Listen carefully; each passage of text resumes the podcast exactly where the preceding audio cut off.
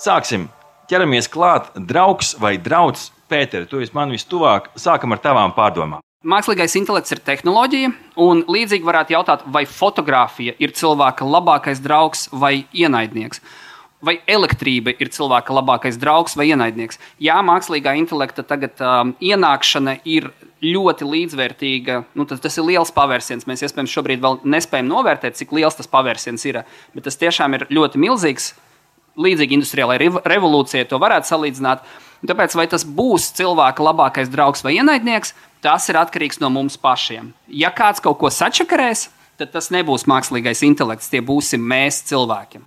Kā ir eh, Normanda ar studijām? Jo tas, eh, kā teikt, kairina daudzu akadēmiķu prātus, skolotāju prātus, ko tagad darīt. Viss vairs nav jāmācās, mākslīgais intelekts visu izdara manā vietā. Kā tu skaties uz eh, šo nu, interesanto problēmu, ja tā vispār ir problēma? Es teiktu, tā, ka mākslīgais intelekts nav ne draugs, ne draugs, bet tas ir ļoti labs praktikants, ja jūs mākat viņu iesaistīt savā komandā. Un tās ir tās jaunās prasmes, ko nu, tagad ne tikai studentiem, bet visiem mums ir jāapgūst, ja mēs gribam būt nu, kaut kādā ziņā produktīvāki. Nu, es arī izmantoju šīs tehnoloģijas. Mēs ne tikai izstrādājam mūsu komandā, bet arī izmantojam, nu, principā, jā, kā tādus praktikantus. Šobrīd studenti ir mazāki. Mēs nevaram vienkārši vairs no lielas studentu plūsmas paņemt uh, jaunus un jaunus palīgus sev, bet, uh, bet ir daudz uzdevumu, kurus vienkārši varam nodot, uh, risināt nu, šādiem valodas modeļiem. Kaut arī noprogrammēt kādas nelielas programmas, kuras pašiem vairs nu, nezinu, nav slinkums rakstīt. Tā kā, jā. Bet par šo praktikantu līdzību tas, tas, to, to, to jau vairāk cilvēki ir minējuši, un, un man šī līdzība vislabāk patīk no pēdējā laikā dzirdētajām.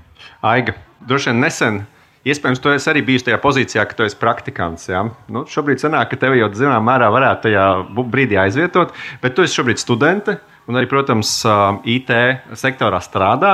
Nu, kā tu izjūti to kā draudu vai kā draugu? Viennozīmīgi kā draugu, jo ar šo rīku, kā mākslīgo intelektu, var automatizēt daudz ko. Es jūtu, ka tas uzlabo manu efektivitāti. Piemēram, mēs darbā ļoti bieži prototipējam Pythonā, bet produkcijā kodu mēs rakstām C. Un ar ChatGPT palīdzību es ļoti ātri pārtulkoju kodu no Pythona uz C, piemēram. Un tas ietaupa divas dienas darba reizēm pat. Man nedaudz jāpielāgo šis kods, un viss gatavs. Cik precīzi tas ir? Diezgan. Man ir jāizmaina no kaut kādām 500 rindiņām, varbūt 2, 3, 4. Cik viegli atrast tās trīs, kas jāizrevidē? Vai ne, ne, neiznāk tā, ka arī tur diezgan daudz laiks jāpatērē, kamēr atrod to kļūdu? Ir jāizlasa, tomēr, tomēr jāsaprot, ko, ko tas ChatGPT ir uzrakstījis. Galu galā tu to lietas produkcijā, bet uh, tas viennozīmīgi atvieglo darba plūsmu.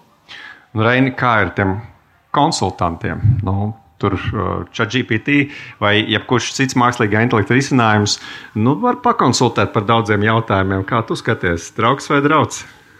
Tas ir uh, draugs, uh, bet uh, kā ar visām tehnoloģijām, tev ir uh, latviešu runājot, mazliet jāfiltrē, ko tu dari.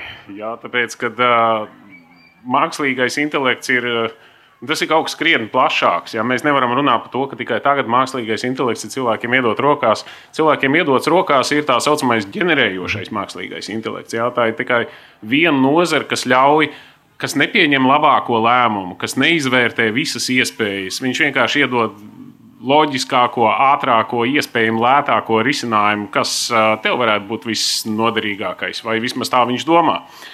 Mums ir jābūt spējīgiem strādājot ar šo satura ģenerēšanu, šobrīd tiešām visbiežāk tiek ģenerēts teksts, attēli, video, kā arī programmu kods. Uh, Un programmu kodu gadījumā man pašam ir bijis visai liels pārsteigums, ka praktiski pēc salīdzinoši neliela brīža liekot viņam darīt viens un to pašu, viņš izdod divus dažādus programmu kodus, un es redzu, ka tas otrs ir uh, krietni neefektīvāks. Viņš ir grūtāk lasāms un, un tam līdzīgi. Līdz ar to no vienas puses runājot par audzēkņiem un studentiem, tev ir tomēr jābūt Ja tas labākais, ko tas cilvēks varētu darīt, kas mācās, izmantojot mākslīgo intelektu, nu, ka viņš varētu vismaz pārrakstīt vai kaut kādā veidā uzreiz to izmēģināt pats un, un, un pārlocīt, nevis eh, nu, vienkārši pārkopēt, jo tā mēs neiegūstam to pievienoto vērtību. Bet es piekrītu, ka tas ietaupa ārkārtīgi daudz laika. ģeneratīvais mākslīgais intelekts izskaidrojumu, jo tas noteikti mums ir saprotams, bet noteikti ir cilvēki, kas nesaprot tā, tā būtību, kas ir ģeneratīvais mākslīgais intelekts, vienkārši izskaidrojot. Kuram ir skaidrojums? Nu, GPT arī ir tas algoritms. Ģenerējošais, generative uh, pre-learned uh, transformer. Jā, tas, ir, tas ir vienkārši algoritms. Chat GPT nozīmē chats ar viņu. Nē, nē, jā, nu, visi šie valodas modeļi, ar kuriem mēs tagad esam saskārušies pa, pa labu un pa kreisi, nu, tie ir modeļi, kas vienkārši mums ģenerē vārdu pa vārdam nākamos vārdus, vai tas ir tie varbūt arī nākamie pikselīši bildē. Ņemot vērā visu kontekstu, nu, visu tas varbūt ir tāds staipīgs jēdziens, bet kontekstu, kas iepriekš ir vai nu ko, nu, ko mēs esam devuši kā lietotāji, vai ko šis modelis pats jau ir mūsu darbības laikā uzģenerējis, un tad ņem vērā gan to mūsu doto, gan sevis ģenerēto, un tik ģenerē nākamos pikselīšus un vārdus e, šajā virknē. Konteksts agrāk, nu, kāpēc, kāpēc vispār šis ir uzsprādzis? Viens no, viens no iemesliem, ka tie, tās iepriekšējās paudzes modeļi, konteksts viņiem bija ļoti īss. Reizēm tie bija trīs, pieci vārdi, tad kādi simtos vārdi, varbūt līdz tūkstošiem, bet šobrīd jau e, tie jaunākie modeļi, tie, šis konteksts var būt 32,000 vienību garš. Nu, tas ir milzīgs konteksts. Principā mēs varam, nu, varam vai nevaram, bet grāmatu tāda vai cita biezuma tur ietilpināt. Un, un attiecīgi, nu, tātad, šīs zināšanas, kas tiek ņemtas vērā, ir, ir daudz plašākas nekā, nekā līdz šim. Tāpēc arī tas, tas, nu, tas ir viens no iemesliem, kāpēc mēs redzam šobrīd tādu tik pārsteidzošu efektu. Man ir piebilde, nu, ir par mākslīgo intelektu visi baigi iesprings, bet um, nu, problēmas ir uztverē. Viens ir tas, kas šobrīd ir, tie intelekti ir tie, kas uh, spēj darīt vienu funkciju. Proti, tie ir tie radošie, generatīvi, kas kaut ko rada, Tad ir um, tie, kas kaut ko atpazīst, tad ir tie, kas spēlē kaut kādas spēles. Viņiem nu, visiem ir savi nosaukumi, neiesim detaļās. Un tad ir cilvēki, kas ir redzējuši terminatoru. Un, uh, viņi domā, ka tagad um, robots putekļu sūcējs tagad panākti ies un jums uzbruks. Uh, nu, man jautājums tiem cilvēkiem, kas uh, nodarbojas ar īstu zinātni, vai jums kādreiz mākslīgais intelekts ir kaut ko licis darīt? vai kaut kā mēģinājis, ka, tu, piemēram, nezinu, Normans strādā ar lieliem valodu modeļiem, vai viņš tur kaut ko lūdzies. Ir, uh, Noslogo man vairāk. Vai, vai, vai palī, pēc palīdzības, vai par tiesībām, vai tu ar atpazīšanu strādā, kaut kādas zīmes ir sūtījis. Varbūt tas var iestarpināt, ka uh, nedaudz par terminoloģiju, ka tas, par ko tu runā, ir vājš vai stiprs mākslīgais intelekts. Uh, vājais mēs izprotam mākslīgo intelektu, kas pilda kaut kādu vienu funkciju vienā noteiktā domēnā, piemēram, atpazīst ceļa zīmes. Stiprs mākslīgais intelekts um, visbiežāk tiek attiecināts uz kaut ko tādu, kas varētu replicēt cilvēku, kā cilvēka darbības. Un kaut kas tāds vismaz vēl nav zināms sabiedrībai, ka ir radīts. Un nav zināms arī, kad būs radīts. Protams, jā, bet varbūt, varbūt kādā laboratorijā kāda li kāds liels uzņēmums jau ir to radījis. Varbūt. Bet nē, manā praksē nav kāds modelis līdzis iet uztaisīt kafiju. Filozofisks jautājums. Ja tas ir tik stiprs mākslīgais intelekts, vai viņš jau nebūs atkods, ka viņam ir jāizliekās nedaudz muļķi, lai viņš netiktu noteikts. Bet te ir labs jautājums patiesībā, kas mums iezīmējās. Ja man šķiet, ka mūsdienās gan PR, gan mārketinga cilvēki nu, ļoti viņiem patīk to mākslīgo intelektu spraust, kur tik vien var redzēt, ka mums kaut kas jauns ar mākslīgā intelekta palīdzību. Viss tā, oh, jā, aiziet, pērkam, vispār kur novilkt reāli to līniju starp, jā, šis ir mākslīgais intelekts, vai šis vienkārši ir algoritms, kurš ierauga A, ir punkts A, taču aiziet uz punktu B, un, ja tur ir tas, tad uz C, ja nē, tad uz D. Kur ir tā līnija? Jo man šķiet, ka mūsdienās bieži vien mūs vienkārši nu, muļķo. To jau varēja darīt pirms 20 gadiem, par mākslīgo intelektu runāt. Jo tādas lietas kā lēmumu kokus, laikam tāds būtu latviešu, arī dēvē par mākslīgo intelektu. Tos izmanto man šeit jau pirms manas dzimšanas. nu, iedodam kādus piemērus. Nu, piemēram, attēlu atpazīšanu. Vai tas ir reāls mākslīgais intelekts? Tas ir viens ļoti konkrēts uzdevums, un viņš bija ļoti grūts un sarežģīts senākos laikos, tāpēc ka tev nebija šīs datoru jaudas, un tev nebija atklāti, izgudroti, uzprogrammēti šie algoritmi, tā saucamie neironu modeļi. Ja, jo visi, kam ir jaunākie vietāluņi, tur iekšā ir šie speciālie neironu modeļi. Un, principā, tie ir algoritmi, kas vienkārši apstrādā milzīgus datus. Eh, un ko viņi dara? Viņi vienkārši salīdzina, reizina, dala un tā tālāk matricas. Jo kas ir balss atpazīšana vai sejas atpazīšana? Balss ir skaņa, tā ir frekvence, intonācija, skaļums un tā tālāk. Un tev vienkārši ir kaut kādā veidā jāsalīdzina vārds pa vārdam šis mazais frekvenču kopums ar kaut ko citu, un jāsaprot, vai tas ir tas, un ar kādu varbūtību tas ir tas un tam līdzīgi. Tanī brīdī, kad mākslīgais intelekts pilda kādu ļoti konkrētu funkciju, ir ļoti labs jautājums, vai mēs viņu varam nosaukt par mākslīgo intelektu. Tik pieminēts arī mārketings, ja, kad mākslīgo intelektu izmanto, kur vajag un kur nevajag. Manuprāt, 2018. gada runājošā galva kaut kur tojos austrumos, tas, manuprāt, arī bija viens ļoti skaists mārketinga mm. triks, bet pasaule ļoti pavilkās, tāpēc, ka principā tas ir šausmas, un mēs mīlam ar acīm. Un šis pats chats GPT ir viens no pirmajiem, kas ir ļoti vienkāršā veidā iedos cilvēkiem rokās. Ja, jo Tas viss eksistēja arī līdz tam. Bet tev bija speciāli kaut kas jāinstalē datorā, tur bija kaut kāds bibliotēks jāinstalē, tev bija šī jāmāk programmēt, bija un tā tālāk.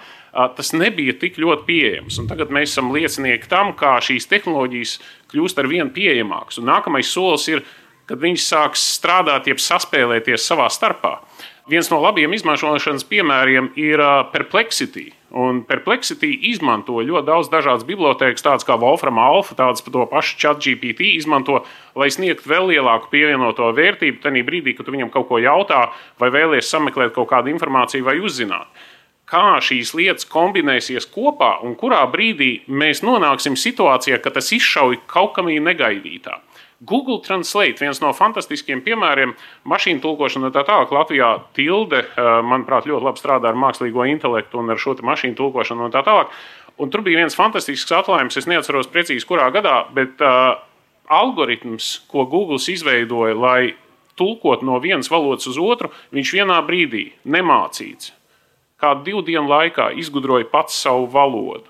Vienkārši, lai viņa būtu starpvaloda lai viņš varētu tulkot starp divām valodām, izmantojot starpvalodu. Ja nemaldos, negaid... šo algoritmu sauc BART. Jebkurā gadījumā tas ir atklājums, kad pasākums, no kura mēs gaidījām kaut ko tik vienkāršu kā tulkošana, tas bija tas, ko mēs viņam bijām iemācījuši. Izdarīt kaut ko negaidītu. Mhm. Tas ir mākslīgā intelekta pazīmes. Normāli, kur zināt novākt to robežu?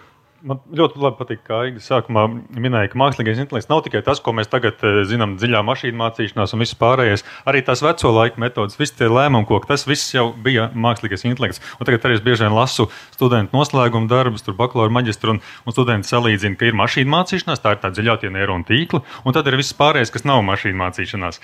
Sākot jau ar statistiku un varbūtībām, ka vis, visa šis, šī mācīšanās tā nav mašīna mācīšanās. Bet mākslīgais intelekts noteikti ir daudz plašāka joma, bet tā problemātika, nu, kāpēc vispār šī joma nu, ir radusies, kā, bet uh, mēs risinām problēmas, kuras mēs nevaram ar algoritmiem noprogrammēt. Ja mēs varam noprogrammēt precīzi ar algoritmu, tur vairs nav jāmācās, tur mēs neminam neko, vienkārši mēs vienkārši zinām, un nevajag minēt uh, to, ko tu zini. Mākslīgais intelekts un, un mašīnu mācīšanās tas ir par uzdevumiem, kurus mēs nevaram noprogrammēt, tāpēc algoritms šajā visā vienādojumā ir tā daļa, kā mācīties. Bet tas, ko mēs iemācāmies, tas vairs nav algoritms. Tas vienkārši ir liels modelis ar miljardiem parametru, nu, miljoniem, varbūt atkarībā no mūsu modeļiem vajadzībām. Tie visi ir kaut kā reāli skaitļi, svariņi, tur skrūvītas, kur viena ir stiprāk ieskrūvēta, viena ir vājāk izskrūvēta. Tas, tas, tas, jā, tas nav algoritms, tas vienkārši ir tāds liels neironu tīkls, modelis, kas mums to rezultātu, to vai citu palīdz sasniegt. Gatavojoties šodienas sarunai, mēs arī katram no jums iedavām nu, tādu nelielu mājas darbu. Es pieļauju, ka tas jums nebija nekas jauns. Mājas darbs bija vienkārši paņemiet kādu rīku līdz festivālam, lampu, izmantojiet aktīvi, mēģiniet piefiksēt kaut kādas savas pārdomas par to. Varbūt ir uh, kādi praktiski ieteikumi par to, varbūt ir kādi kuriozi atgadījumi, ko, ko gribās uh, izcelt. Uh, droši, kurš grib padalīties pirmais ar savu mājas darbu veikumu? Normūna, Pēteri, Pēters, Pēters aiziet cēlroku. Um, Nu, pirmais ir, um, es sāku ar vienkārši uzdot jau, nu, jautājumu, parunāties ar mākslīgo intelektu, ko man uztaisīt. Ko cilvēki... tu izmantoji? Uh, es sāku ar ChatGPT, tad man apnika rakstīt um, uh, tur iekšā tajā lodziņā. Un tad ir, es nezinu, vai visi zina, bet ir tāda bezmaksas programma, tāpēc var teikt Obsidian, kur var taisīt piezīmes. Viņā var likt klāt visādus spraudņus klāt, un tad tu vari pielikt spraudni, kas ir ChatGPT spraudnis, un tā rezultātā tu raksti piezīmes, piespied tik, tik, un viņš turpina tev palīdz tavu domu attīstīt, iztulkot. Nu, kā, vienkārši tā, wow. Un uh, es prasīju, ko cilvēkiem ieteikt, nu, kā, lai, viņu, uh, lai viņiem izmanto. Viņš teica, nu, uztaisīt LinkedIn, nu, tur daudz variantu, bet kas man patika, uztaisīt LinkedIn grupu. Uh, kurā cilvēki varētu mācīties par mākslīgo intelektu latviešu valodā, jo visi par viņu runā, bet um, jautājums publikai, kas šodien no jums ir lietojis mākslīgo intelektu apzināti, nevis tur mēs tur, nezinu, Google Maps vai kaut kādu tulkotāju, bet apzināti lietojis. Tā es redzu vienu Uh, un man ļoti interesē, ko jūs ar viņu darījāt, bet, um, jo šī ir, um, šī ir prasme. Tā ir tā liela prasme iemācīties savas ikdienas problēmas risināt ar mākslīgā intelekta starpniecību. Un, um, Nu jā, es uztaisīju mākslīgā intelekta grupu LinkedIn, mākslīgais intelekts savējiem. Bet tā galvenā, to, to arī nu, ieteikums viņš nosaukumam ieteica par vizuālo identitāti. Visu viņš arī ieteica, teica, izmantot emoji noformējumā, nu, ka, kā, ka tas būtu stilīgi. Es sekoju līdzi viņa, viņa ieteikumiem, un, nu, un tad es mēģināšu kaut kādus pēc tam tur video pielikt, jo viena no tēmām, ko viņš pateica, vēl ko varētu pastāstīt cilvēkiem, kā pieteikties darbā. Proti, īstenībā visiem liekas, ka nu, mākslīgais intelekts man tagad vajag darbu atrast. Ko es darīšu? Teikšu, uzraksti man CV. Nē, tā, tā viņš nestrādā. Tas, kā, tas, tas veids, nu, vienkārši domāšanas modelis. Jūs paņemat darba sludinājumu, iekopējat tur iekšā. Mākslīgajam intelektam saka, izvelc galvenos vārdus vai tēmas, par ko man vajadzētu iespringt. Nu, varbūt citādāk to noformulēt, un tad viņš tev, un tad atbilstoši tam tēmām, saka, palīdzi man, rekur mans CV, un tad palīdzi man veidot aprakstu manām iepriekšējai pieredzēji, atbilstoši šiem galvenajiem vārdiem, un tad vēl teikt, varbūt iedot četrus variantus tai, tai lietai. Un tad tas, ko viņš neprot, viņš neprot izvēlēties jūsu vietā. Un īsnībā ar to salīdzināšanu viņam arī ir tā, tā ir, kā ir. Uh, nu, vismaz pēc ma maniem ieskatiem, bet šādā veidā Padoms, ja kāds meklē darbu, diezgan, diezgan vienkārši. Nu, tad tur vēl ir pilns ar ētiskiem aspektiem, par kuriem mēs varētu kaut kādā vēl parunāt, bet uh, tagad, lai pārējie. Okay. Tas bija mans LinkedIn grupa priekš cilvēkiem. Bet tas, valodā. tas kuriozais, ko es saklausīju, bija tie emoji. Tātad emoji priekšā aizmugurē un, un viss būs labi. Man ir daži ētiski padomi studentiem. Ētiski padomi. Uh, ir tāds rīks, uh, Quillbot. Ar Q? Uh, ar Q, jā, kurā var. Um, pirmkārt saīsinātā formā iegūt publikācijas, kurā var gramatiku izlabot darbos angļu valodā un kurā var pārfrāzēt tekstu. Tā ir ētiskā daļa. Protams, es arī pamēģināju ChatGPT ievietot savus sarežģītos statistikas, maģistrantūras statistikas mājas darbus, un jāsaka gan, ka ar tiem tas netiek galā. Teiksim, cilvēkam, kurš ir mācījies bakalaurantūrā matemātiku, risinājumi varētu šķist sakarīgi, bet iedziļinoties tie tomēr īsti nav. Es neusticētos ar uh, universitātes līmeņa mājas darbu pildīšanu. Mm -hmm, tā... Bet uh, Kvilbots ir uh, ļoti labs uh, rīks, lai uh, ātrāk izlasīt publikācijas. Kāpēc, tavuprāt, iztrūkst tas, nu, tas, tas dziļums tajā visā? Nepietiek informācijas, lai iet dziļāk, pietrūkst tas personīgais aspekts tajā visā? Droši vien, kā apmācības datos vienkārši nav tik daudz informācijas par to statistiku, kas tiek mācīta manā universitātē, kas ir ļoti specifiska. Okay, interesanti. Es atceros, viens no pirmajām viena no savām pirmajām reizēm, kad uh, tika izmantota tieši attēlu ģenerēšana. Uh, un, uh, mums darbiņā bez kaut kādām IT lietām un programmēšanām ir arī diezgan daudz dažādu materiālu sagatavošanu klientu vajadzībām.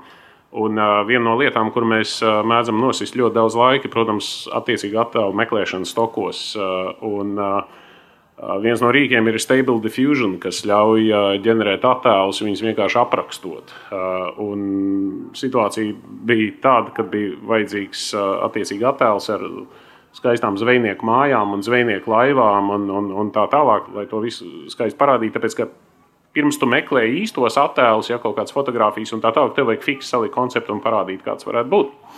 Un viss, ko viņš ģenerēja, bija kaut kāds ļoti skaists ainiņš, bet viņas visas bija apmēram no vidusjūras puses. Ja? Mm. Un, un, un neskatoties uz maniem centieniem, viņu kaut kādā veidā ietekmēt, nu, nu ieliec kaut kādas priedes iekšā, tā ir smilšu pludmale. Nē, palmas nevajag, nē, laivas mums ir pelēkas, un, un tā tālāk nesanāca īsti nekas prātīgs. Un te ir tā interesantā lieta, kad Protams, ka mēs, latvieši, mēs esam nu, saka, mazākuma tautība. Latviešu valodā runā knapi 2 miljoni cilvēku, un es ceru, ka ir 2 miljoni cilvēku.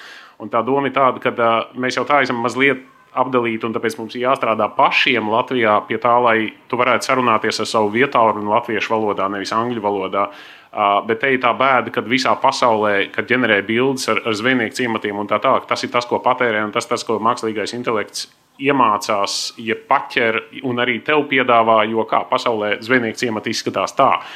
Un te ir tā interesantā lieta, ja, kad, kad nu, mums ir jāstrādā arī pie kaut kādiem saviem rīkiem un jādod savu artavu tā visu ieguldīšanā, vienkārši lai mēs arī ne tikai kultūra telpā, tekstuālā informācijā, bet arī vizuālā informācijā tomēr nepatērējam nu, šos ārzemes skatus. Normund, pastāst par savu, saviem piedzīvojumiem. Jā, daži ir bijuši. Um, nu, pagājušajā gadā tipiski, ja mums bija kāds jautājums, tad vai nu mēs uzdevām blakus esošajam, vai tas blakus esošais teica, nu, ej, paskaties Google. Šogad es nezinu, kā jūs, bet es Google arvien mazāk un mazāk izmantoju man vieglāk ir uzrakstīt jautājumu un skatīties saturīgu atbildi, nevis skatīties tur tos uh, meklēšanas rezultātus. Un es arī pat esmu sācis abonēt to maksas versiju, vienkārši tāpēc, ka programmas kods mazliet labāk tiek ģenerēts un ir kļūdām labāk tiek galā. Bet tad man pagājušajā nedēļā vajadzēja savus mērus noņemt. Un vidukļa apkārtmērs jāizmēra. Okay. Es domāju, nu, Kā tagad tur darīt? Tur nav jāmēra, vai kur tur jāmēra? Nu, varētu jau Google vienkārši iemeklēt, droši vien man tur pirmā bilde parādīt, bet nu, paskatīsimies, ko, ko mums pateiks ChatGPT. Un es kāpēc es ierakstīju latviešu. Un atbilde tagad ir, nu, kā mēs mēram riņķa līnijas garumu, 2 PR. Nu, tas viss būtu ļoti jauki, bet ir divas problēmas. Pirmkārt, cilvēka rumpis nav gluži cilindrs, un otrkārt, kā pie tā ir tikt. Kā es pie tā sava centra, lai tieku, lai izmērītu to rādījumu nu, problēma. Dziļi iebāzt pirkstu. Tas varētu būt risinājums. Nu, tad es tagad viņam jautāju, nu, kā tu to apkārtmērķi īsti saprati? Kā, tu, kā tu angliski šo vārdu saprati? Nu, izrādās circle. Nu, jā, nu, tad, tad tā problēma. Tā ir šī cēlonis visam šim, te, visam šim pārpratumam.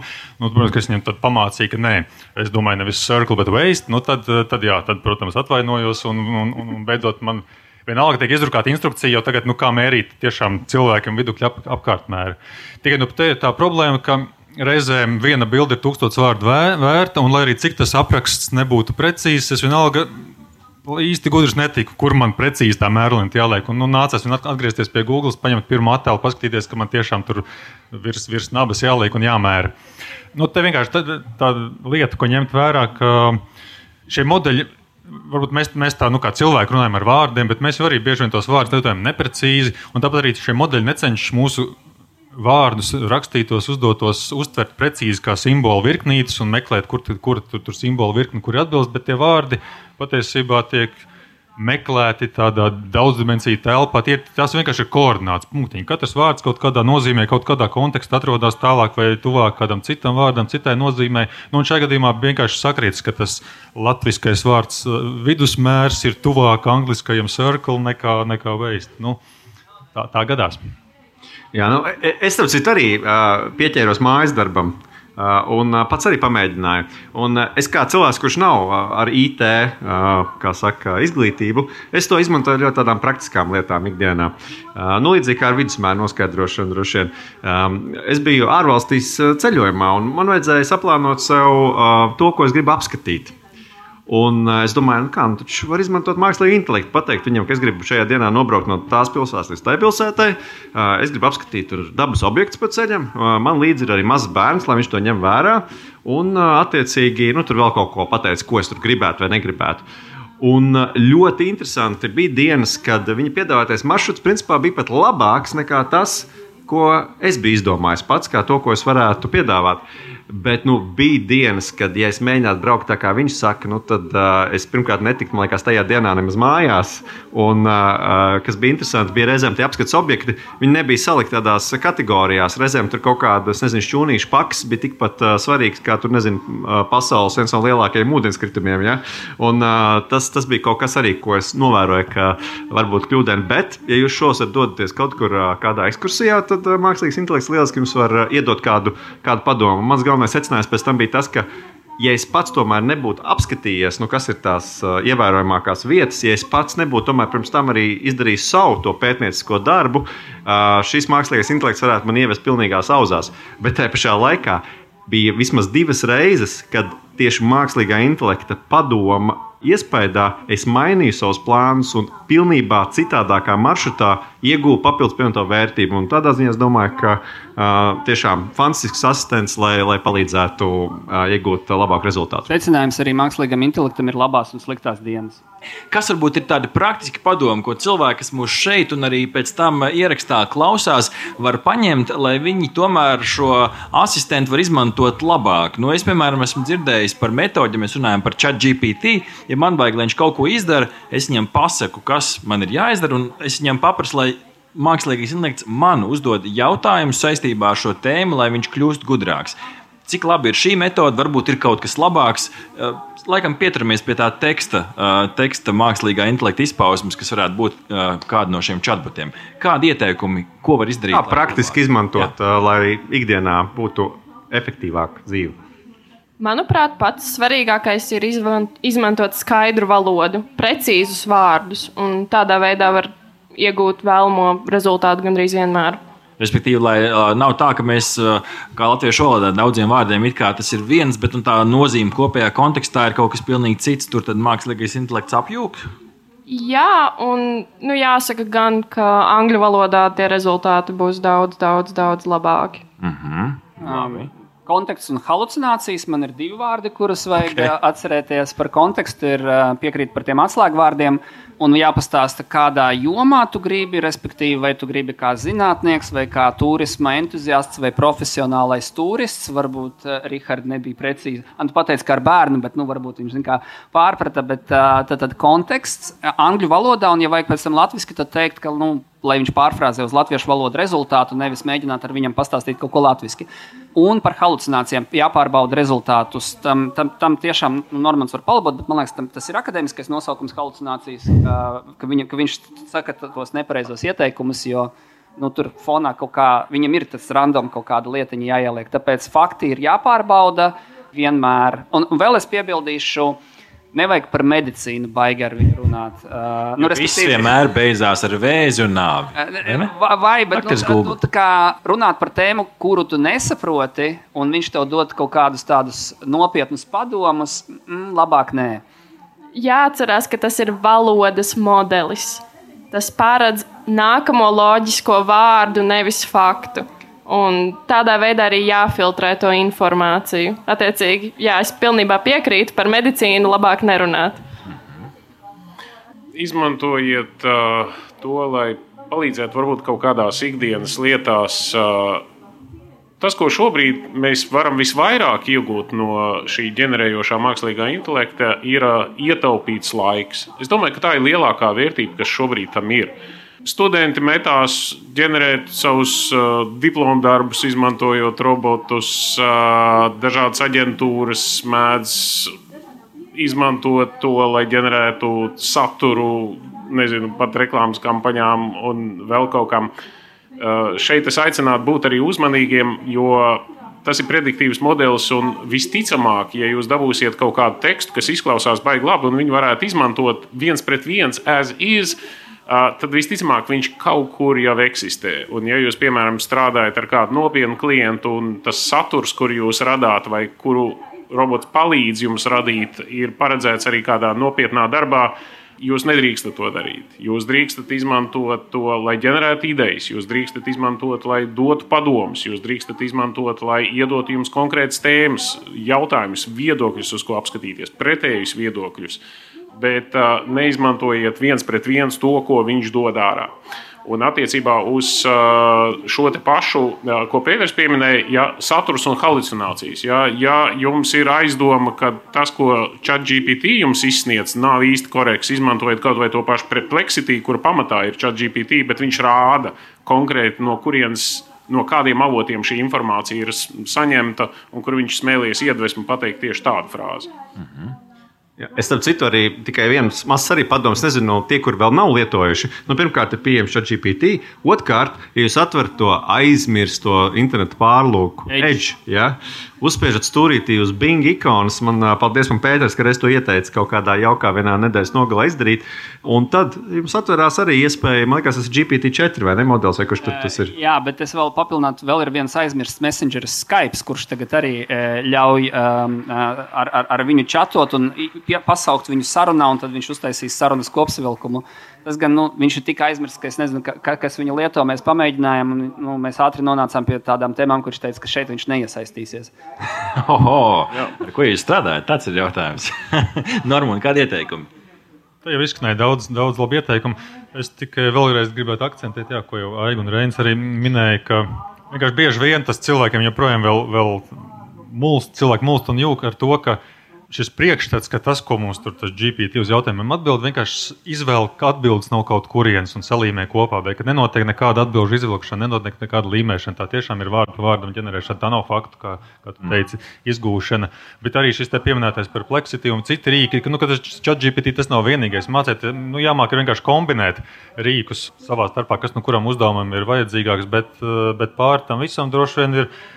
Nu, ir jāmāk pajautāt, un tā ir tā prasme, kas rodas nu, tikai mēģinot un darot, prast pajautāt, prast vadīt. Jo eh, nu, tas, ko mēs sākumā diktējam, kas tam mums diktēs, Ma- intelekts mums diktēs, vai mēs diktēsim to, tos modeļus. Nu, mēs šobrīd, un tas droši vien vēl būs ļoti, ļoti ilgi, kad, kad nu, modelim pašam nav nekāda iniciatīva. Mums jāmāk arī viņu, viņu bīdīt, bakstīt un vadīt nu, šo te praktikantu digitālo. Un, Nu, tāpēc ir jāmāk, palī- jāmāk pajautāt. Ja mēs mākam jautāt, tad, tad būs arī labs rezultāts. Varbūt uh, papildus jautājums. Nu, tie, kas varbūt nezina, kas ir perpleksity, varbūt trijos vārdos. Re- Reins jau iezīmēja bišķiņu, bet varbūt var iz- izskaidrot, kas tas ir.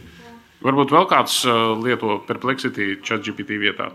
Perplexity ir uh, principā startups, kuru veido 11 uh, ļoti interesanti un nopietni cilvēki, kas ir nākuši no dažādām lielām IT kompānijām un kaut kādu iemeslu dēļ sanākuši kopā un uzradījuši kaut ko. uh, Kas ir pirmais vērā ņemamais mēģinājums apvienot šos rīkus vienā, lai ar viena rīka palīdzību, lai ar viena pieprasījuma palīdzību varētu saņemt atgriezenisko saiti no ļoti daudzām dažādām bibliotekām. Kā jau es minēju, tur ir apvienotas dažādas pasaules bibliotekas, tā skaitā Wolfram Alfa, kas satur dažādas zinātniskas faktus un, un, un matemātiku un tā tālāk. Un šī gadījumā mēs runājam par to, ka mēs mēģinām izgudrot kaut kādu nosacītu jaunu veidu Google. Arī Google šobrīd strādā pie sava SGP, ja es pareizi saprotu to nosaukumu, es neprotīšu to abreviatīvu iztulkot, bet arī viņi strādā pie savas nākamās versijas, kurai ir vairāk ieteicošs raksturs. Es esmu skatījies pāris demo, un uh, ir ļoti interesanti, ka uh, mēs vairs nesaņemam teiksim, šādu vienkārši lielu meklēšanas rezultātu sarakstu, bet mēs saņemam kaut kādus ieteikumus, un tas viss pārējais ir tur kaut kur pēc tam. Un, protams, nozarē, kas strādā piemēram ar tām pašām mājaslapām un ar SEO, šobrīd ir ļoti pamatot satraukušies, tāpēc, ka viss, kādā veidā to esi iepriekš strādājis, lai tavu mājaslapu Google būtu atrodama sākumā un cilvēkiem tiktu ieteikta, šobrīd izskatās, ka krietni mainīsies. Es vēl vienu īsu jautājumu, nezinu, cik jums bija liela saskara. Microsoft ir izziņojusi savu Copilot. Jums Jā. ir ko pateikt par šo? Uh, tas ir super, tas vēl Kas, ir ja jauns. nezinu, izskaidrošu, Microsoft uh, Windows operētāja sistēmā līdz šim bija asistents Cortana, kur jūs varējāt šo un to paprasīt, bet uh, tas tiek aizslaucīts. tā- sākotnēji tā bija tā piesprāžama adata, ja, kas līdz ārā un Tas smaidīja. jau klipīs, tas jau klipīs, tas vēl, vēl senāk. Kas ir Copilot tā īsumā, ko ar to varēs izdarīt? Cik es zinu, varēs visādas darbības datorā veikt, bet vai kaut ko vairāk izspiest no tā? Kādas prognozes? Copilot ir, ja jūs atceraties, 2000. gada sākumā Microsoft Wordā bija tāda saspraude gudrā, kas lēkā aiz stūrī un kaut ko ieteica, kur tev tagad ir jādodas un kur tev tagad ir jāspiež.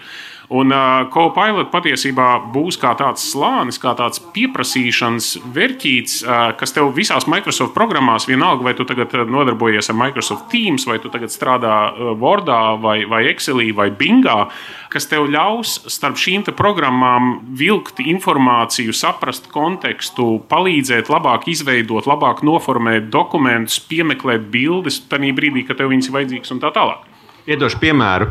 Jums ir bakalaura darba kopsavilkums, uzrakstīts, skaists, iesniegts, un jums vajag prezentāciju. Un jūs iedodat viņam to varu dokumentu un pasakāt, uztaisīt prezentāciju. Viņš uztaisīs fantastisku prezentāciju ar attēliem, ar visu tekstiņu, kas ir nepieciešams. Protams, nebūs perfekti, būs pašam droši vien jāpie, jāpielabo, bet te pašā laikā būs arī vietas, ko varēs iezīmēt, pateikt, lūdzu, šito uztaisīt šitā vai ieliec citu bildīti. Viņš to izdarīs. Man te ir viens jauks piebildi šajā sakarā. Es esmu redzējis dažas no tām prezentācijām ar mākslīgā intelekta prezentāciju. Tas ir briesmīgi. Ja? Nē, otrādi, viņas izskatās tik ellīgi labi, ka neviens sodīts pasniedzējs vienkārši nenoticēs, ka tu to esi izdarījis pats.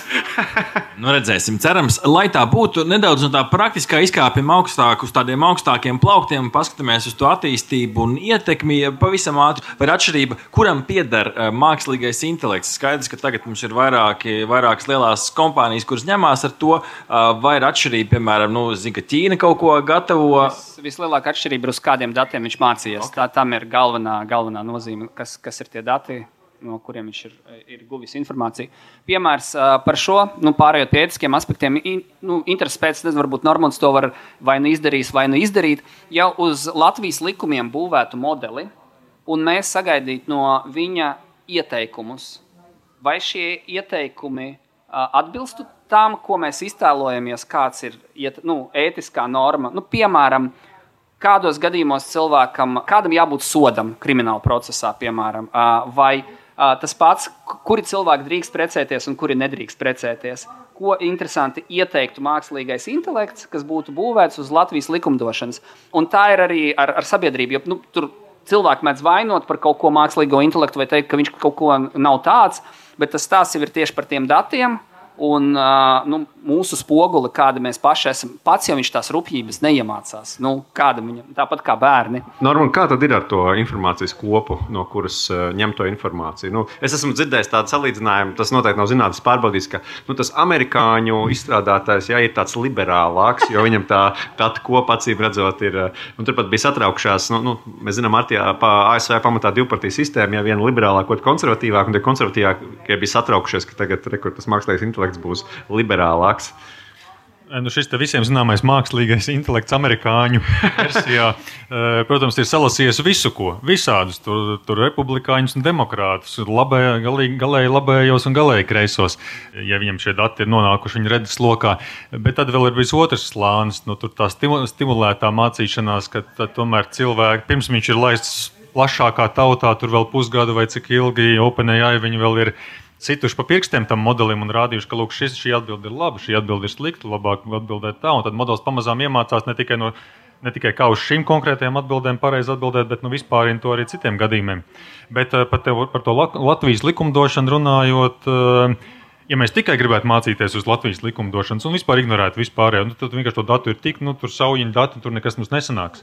Mums vajadzētu ņemt visas pasaules, visu, visu valstu likumdošanas ar to, varbūt arī pat vēl būt par maz, ja mēs gribam lielu modeli uzturnēt. Tā kā beig beigās mēs atduramies pie to, ka mums tomēr jāmācās ir viss, bet tad mēs varam šo modeli fokusēt kādā noteiktā virzienā. Un te ir vēl, vēl, vēl, vēl viens aspekts, ko jāpaturprātā, ka šie, tas, ko šie modeļi iemācās, ir divas lietas. Ir tas plāns slānīts, kas ir valodas slānis, ka viņš māca ar mums sarunāties mācīties tur angliski un nejauši arī latviešu un, un citās valodās, kuras tā īpaši nemaz nav, nav, nav viņam mācītas. Un tas ir tikai tāds, jā, tas virs, virsējais slānis, bet tās dziļākās zināšanas, tās fakti un pasaules zināšanas. Tās ir tās, kuras šie, šis modelis iemācās. Vienalga, vai tas teksts ir bijis latviešu, krieviski, angliski, spāniski. Nu, jā, šie fakti un vispār zināšanas par to, kā pasaule ir izbūvēta, tas tiek iegūts no visām valodām kopā. Tagad nav vairs svarīgi, kādā valodā tas ir vai nav pateikts bijis. Mm -hmm. Mākslīgais intelekts nogalinās profesijas. Šāds uh, vārdu salikums uh, cirkulē apkārt, cilvēki uztraucās, vai un kam ir jāuztraucās, uh, cik tas ir pamatot. Es par robotu putekļu sūcēju sākumā teicu, joprojām. Nu, kā, ja, kad jūs pārstāsiet pēc robotu putekļu sūcēju tīrīt māju, tad jāsāk satraukties par to, ka arī citās profesijās mākslīgais intelekts kaut ko aizstās. Okay. Varbūt tiešāk atbildēt. Protams, tas ir process, kuram mēs ejam cauri visu laiku, tā ir automatizācija. Un uh, jebkura profesija, kurā notiek darbības, kas atkārtojās, kas ir repetitīvas, tās aizstās. Un, lai no šī procesa izvairītos, mums ir jāsāk sevi izglītot, jāsāk ieņemt pozīcijas, kas ir radošas, kas ir intelektuāls, un tādā veidā mūs neizspiedīs no darba tirgus. Mm -hmm. Bet uh, mākslīgais intelekts viennozīmīgi kaut kādas lietas, kaut kādus, uh, kā mēs redzam, piemēram, Rimī ir uh, kases jau. Labi, tas nav gluži mākslīgais intelekts, tas ir cits automatizācijas risinājums. Bet tā joprojām ir automatizācija. Jā, automatizācija jau notiek jau, jau, jau, jau, jau ilgi. Jā. Viennozīmīgi būs profesijas, kas beigsies. Bet uh, es uzdrošinos apgalvot, ka uz katru šādu profesiju radīsies četras jaunas. Jā, nu, ņemot vērā, ka šeit lampā tiešām arī daudz tiek runāts par mūsu valsti, kā to padarīt efektīvāk, labāk. Varbūt jums ir kāds uh, skaidrs, uzreiz ieteikums, ideja, kā valsts pārvalde var padarīt efektīvāk ar mākslīgo intelektu. Varbūt kāds tieši ieteikums, ko varētu ieviest gan no rītdienas. Uh, divas lietas - rakstīt kopsavilkumus ar mākslīgo intelektu, anotācijām, uh, likumiem, un otrs - kļūdu paziņojumu sistēmām ģenerēt ar mākslīgo intelektu. Vai bija kaut kur tāds labs piemērs, ka kādu vēstuli atsūta, neko nevar saprast, ko no tevis tā sistēma grib, un tad iedod mākslīgo mākslīgam intelektam, viņš sakarīgi uzraksta, kur tev jābūt, cikos. Nu tā, šitais palīdzētu valsts. Varbūt viss likums beidzot jāpāraksta, lai mēs beidzot saprotam, nē, kas tur rakstīts. Nu, nu, varētu sākt ar nodokļu sistēmu, bet. Um, okay. Cilvēks nekur nepazūd. Ne, ne no profesijām, ne no, no visur. Vienmēr paliks cilvēki, cilvēki pieņems lēmumus. Un, ja cilvēks par kaut ko nepieņem lēmumu, tad lēmumu par to, ka tagad cilvēks par šo nepieņem lēmumu, pieņēma cilvēks. -hmm cilvēki ir šeit mums priekšā, un mums ir eh, viena reize gadā, kad mēs reāli varam dzirdēt cilvēkus arī šeit, digitālajās eh, brokastīs. Vai ir kāds drosmīgais, kuram ir kādas pārdomas vai kāds jautājums šeit, smuki saulītē, priekšā ar mikrofonu? Jā, uh, vakar. Uh, Uģis, mans vārds ir. Uh, es sākšu ar tādu pārdomu. Nu, mums ir jāatcerās, ka ne Google, ne Tesla, ne Volvo neprasīja taksometru šoferiem, vai viņi grib, lai tiktu uzbūvētas pašbraucošas automašīnas. Tā ir realitāte. Ja? Pilnīgi pareizi, taksometra šoferi nekur nepazudīs. Bet jautājums man ir pavisam vienkāršs. Nu, ko vadīs? Kur mēs iesim ar šo? Te kas būs tie nākošie soļi, kur tas attīstīsies? Paldies! Paldies! Nākamie attīstības soļi. Liekam, galdā. Varens jautājums. Es atgriezīšos pie tā, ko Pēters pašā sākumā teica. Ģenerējošais mākslīgais intelekts šobrīd ir iedot cilvēkiem rokās līdzīgi kā daudz, daudz, daudz gadus atpakaļ cilvēkiem iedeva elektrību, ievilka sētā elektrību. Un sākās ļoti daudz eksperimentu, ko nu ar to var darīt. Var iebakstīt kādam, var paskatīties, kā dzirkstelīts lec, var lampiņu darbināt. Un sāk veidoties tie scenāriji, ka kāds kaut kur izgudro elektrisko ganu. Un, respektīvi, mēs tagad mācīsimies ārkārtīgi strauji to visu izmantot un pielietot. Un, protams, Jautājums ir, kurš kuru apsteigs? Ir skaidrs, ka valsts un likumdošana nekad neko neapsteidz. Bet uh, mums ir labā pasaule, kas izmanto mākslīgo intelektu un tehnoloģijas, un mums ir ļaunā pasaule, kas izmanto mākslīgo intelektu un tehnoloģijas. Un kamēr mēs uh, cenšamies izgudrot kaut ko foršu un cilvēkiem noderīgu, neaizmirstiet, ka šobrīd ar šo pašu tehnoloģiju palīdzību tiek ražots lielā apjomā sociālai vīrusi, pētīt cilvēku paradumi, radīti jauni dažādi draugi, draudi, kiberuzbrukumi un kas tik vēl ne. Šīs divas pasaules cīnīsies savā starpā ar vien vairāk. Un, jā, tas ir viens no maniem saka, uztraukumiem, vai šī labā pasaule, kurai ir iedot elektrību rokās, vai ņemšu vēl ļaunāku piemēru. Varbūt tās pēkšņi pasaulē kļūst pieejami šaujamieroči. Ar tiem var izdarīt labas lietas, noderīgas lietas, var doties varbūt, pārtikai. Varbūt es aizņemtīšu. Var izdarīt arī kaut ko ļaunu. Es aizņemtīšu vienu vien jautājumu, jo šobrīd ar vien vairāk arī regulātori strādā uz to, ka ir jāierobežo dažādas. Ir pat valstis, kas aizliedz lietot. Jā. Vienkārši aizliedz. Jā Kur šis uh, novedīs? Industriālā revolūcija un vidas aizsardzība. Vidas aizsardzība radās pēc industriālās revolūcijas, tāpēc, ka bija kaut kas pietiekami sajāts, lai varētu to aizsargāt. Līdz ar to ar mākslīgo intelektu, ir līdzīgi. Nu, vai, mums kaut kas sākumā ir baigi jāsačakarē, un tad mēs varēsim to glābt. Nu, tā cilvēks strādā. Un, es par, par nākotni, pirmkārt, mēs nevaram šobrīd zināt, kur mēs aiziesim. Mēs varam Black Mirror un visus citus seriālus skatīties. Un otrs, es, par bērniem. Man, man patīk tā, tā doma. Tiešām vairs nebūs jautājums, vai bērnam ir jāmācās rakstīt ar roku vai uz datora. Tas vispār būs ārpus konteksta. Tā, tā dziļā doma būs, vai bērns iegūs zināšanas no mums, vai uh, mēs ļausim, ka bērnus izglīto mākslīgais intelekts, un, nu, un, un tad no tā visas sekas. Modernā paudžu plaisa. Par cik tu pieminēji bērnus, tad es nevaru nepacelt šo lietu arī. Man neuztrauc tas, ka tur zudīs darbi un nāks vietā jauni, un, un, un kad ar nazi var gan, gan smērēt sviestu, gan, gan, gan darīt citas lietas. Tas, kas tiešām man uztrauc ilgtermiņā, ir runājot par bērniem. Kalkulātoru mēs parasti pirm, pirmklasniekiem nedodam. Mēs viņus pirms iemācām viņiem saskaitīt, un tad, kad viņi jau māca, tad viņi 12. klasē vai vēlāk var to kalkulātoru izmantot. Tagad viss atspērušies, ģenerēs tos savus uh, noslēguma darbus un vispārējo, un aizmirsīs domāt, aizmirsīs formulēt, vispār noformulēt savu domu. Nu, beigās būs kāda elite, kas spēs izteikties, spēs, spēs radīt kaut ko jaunu, nu, un pārējie vienkārši paļausies uz aklu, paļausies uz to, ko viņam dod. Tur, turpinam domāt un turpinam mācīties. Labs ieteikums, to mums latviešiem noteikti nevajag pazaudēt. Vēl viens jautājums, aiziet! Man arī varbūt noslēdzošais jautājums, ņemot vērā, ka mēs tuvojamies tam brīdim, kad ir jādod, jādod laiks nākamajiem. Kas ir Latvijas tāda lielā iespēja no valsts vai biznesa perspektīvas? Kurš mākslīgā intelekta iespējams pielietojuma atzars ir mūsu jājams zirdziņš, vai arī kas ir tas, kas mums ir jāizdara šobrīd, lai mēs būtu uz tā viļņa, nevis nu, tā visa sekotāja. Man šķiet, ka Latvijas priekšrocība ir izmērs un ātrums. Ka, ja mēs gribētu kaut ko, nu, kā, ka mēs varam ātri brīvdienu izsludināt un savākties, tad, piemēram, kādu, nu, tas, tas, par ko Latvijas atvērto tehnoloģiju asociācija iestājās, ir medicīnas dati. Piemēram, ja mēs varētu likumdošanas līmenī nu, saregulēt, ka uzņēmumi, Latvijas uzņēmumi tiek pie medicīnas datiem un var ar tiem eksperimentēt, un tādā veidā varētu izšaut kaut kādi startupi. Uh, tas ir nu, vienā jomā safokusēti, saregulēt, ka, ka pie šiem datiem var tikt. Un, nu, protams, apjoms, ievērojot uh, visu to drošību. Jā, jā, jā tālāk. bet, bet, bet nu, idejiski, ka ātrums tas mums ir priekšrocība. Mm. Aiga, ko tu domā par šo?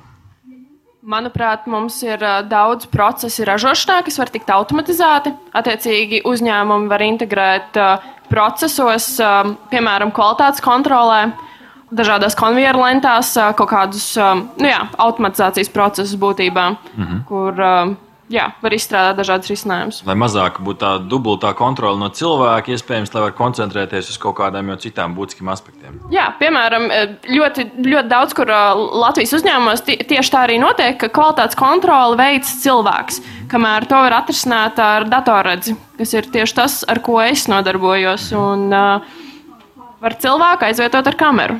Un tādā veidā gan uzlabot kvalitātes kontroli, gan arī viens darba rokas nodot kaut kādam citam, varbūt augstāk kvalificētam darbam. Vēl pārdomām, Reini. Mūsu nākotnes uzdošanās, izdošanās pamatā ir izglītība. Un, jā, es uzdodu šo jautājumu, vai mēs varam iesaistīt šo mākslīgo intelektu tieši izglītošanā, kā kā tehnoloģija mm. izglītošanas apakšā, lai labāk izglītotu cilvēkus, uh, un ne tikai cilvēkus, bērnus mm. pirmām kārtām, jo pasniedzēju skaits Latvijā un tas uh, nu, jaukais izglītības līmenis arī mums daži saka, ka krītās. Mums ir jāstrādā, un ja mums nav šo skolotāju, ņemam tālāk mākslīgo intelektu. Jā, ja mēs varējām uzvarēt ASV hokeja, ne, tad es domāju, ka mēs varam arī pārspēt viņas gudrībā. Jā, Normund, kā, kur varbūt mūsu niša, skatoties arī no zinātnieka perspektīvas. Es varbūt tieši patiesībā gribēju otrādi pagriezt to, ka, ja, nu, runājot par valodu, valoda līdz šim bija tāda ļoti specifiska lieta katrai nācijai, tautai, un arī mums, protams, mūsu nacionāla identitāte, latviešu valoda, un kurš tad cits par viņu rūpēsies, ja ne mēs paši. Un, Un līdz šim tā bija tiešām tāda niša. Un bija vajadzīgi komplicēti risinājumi, kas, kas viss bija dārgi un ilgi, lai to visu uztaisītu, pielāgotu. Šobrīd patiesībā visa šī mākslīga intelekta globalizācija ir uh, nostādījusi mūsu situācijā. Nu, ņemam to pašu jau. Nu, labi, mēs visi zinām, ka OpenAI ir uztaisījis ChatGPT, bet viņi arī ir tādu vispār modeli iz, izveidojuši priekšrunas atpazīšanas, tāpat arī Facebook un citi ir padarījuši savus modeļus pieejamus.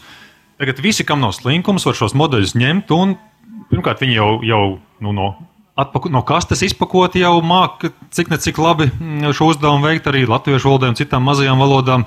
Bet no šīs pašas balss talkas vai citas, citiem atvērtiem datiem, katram, kas, kam nav slinkums, viņš var pielāgot šos modeļus, pietrenēt un ļoti īsā laikā iegūt nu, būtībā produktu jebkādai nišai nozarei. Tā kā jā, tagad patiesībā tās nišas sāk mazliet sabrukt. Jāsaka, gan, ka tur ir vajadzīgi diezgan lieli video karšu resursi. Nu, bet ne tik liela kā, kā, priekš, kā OpenAI bija vajadzīga, lai šo bāzes modeli uzbūvētu. Tad jau, lai viņi pielāgotu, nu, tas jau ir. Mm -hmm. Tas ir tikai tūkstoši, nevis miljardu un miljonu Un jautājumu. šeit es gribētu iemest, ka Latvijas augstskolām principā ir tie resursi. Nu, gan RTU, gan LU ir tās video kartes, vai, vai uz kurām, ja, ja kādam ir ideja, ko varētu darīt, uz kā var rēķināt. Šis ir gan tūkstošu, gan miljonu jautājums, citējot mūsu ekspertu. Un, tā droši vien mums arī mūsu lielā iespēja. Bet beig beigās lielais jautājums. Cilvēka labākais draugs vai lielākais draugs, nezinu, kā tur, Rihard, bet mans secinājums, ka joprojām draugs, ja mēs būsim izglītoti, ja mēs domāsim, ja apstrīdēsim to, kas mums tika, tiek teikts, ja mēs sekosim līdz tam un būsim joprojām radoši risinājumos, kur mēs mākslīgo intelektu pielietojam. Aha! Paldies, ka noklausījāties mūsu līdz galam! Ja patika, uzspiediet laiku, atstājiet komentāru vai padalieties ar draugiem. Un nobaudiet arī citas epizodes, kā arī sekot mums, lai nepalaistu garām savu ikdienas tehnoloģiju ziņu devumu.